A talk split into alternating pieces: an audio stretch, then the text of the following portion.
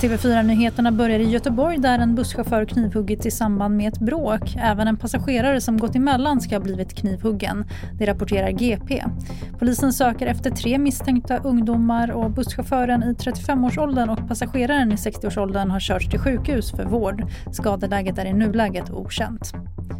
Och tidigare idag hölls skifteskonseljen på slottet. Vid ceremonin medverkade statsminister Magdalena Andersson själv, samtliga statsråd, kungen, kronprinsessan och talmannen.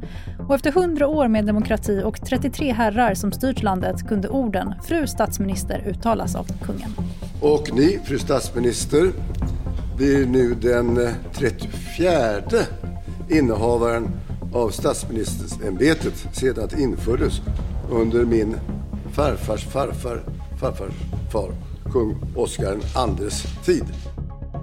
Region Västmanland beslutade tidigare idag att gå upp i stabsläge för att hälso och sjukvården ska kunna samla sina resurser. Det är framförallt barn och ungdomar mellan 10 och 19 år som nu blir smittade i Västmanland. Men smittan ökar i alla åldersgrupper. Och de senaste nyheterna hittar du i TV4s nyhetsapp. I studion Tannas Edlat.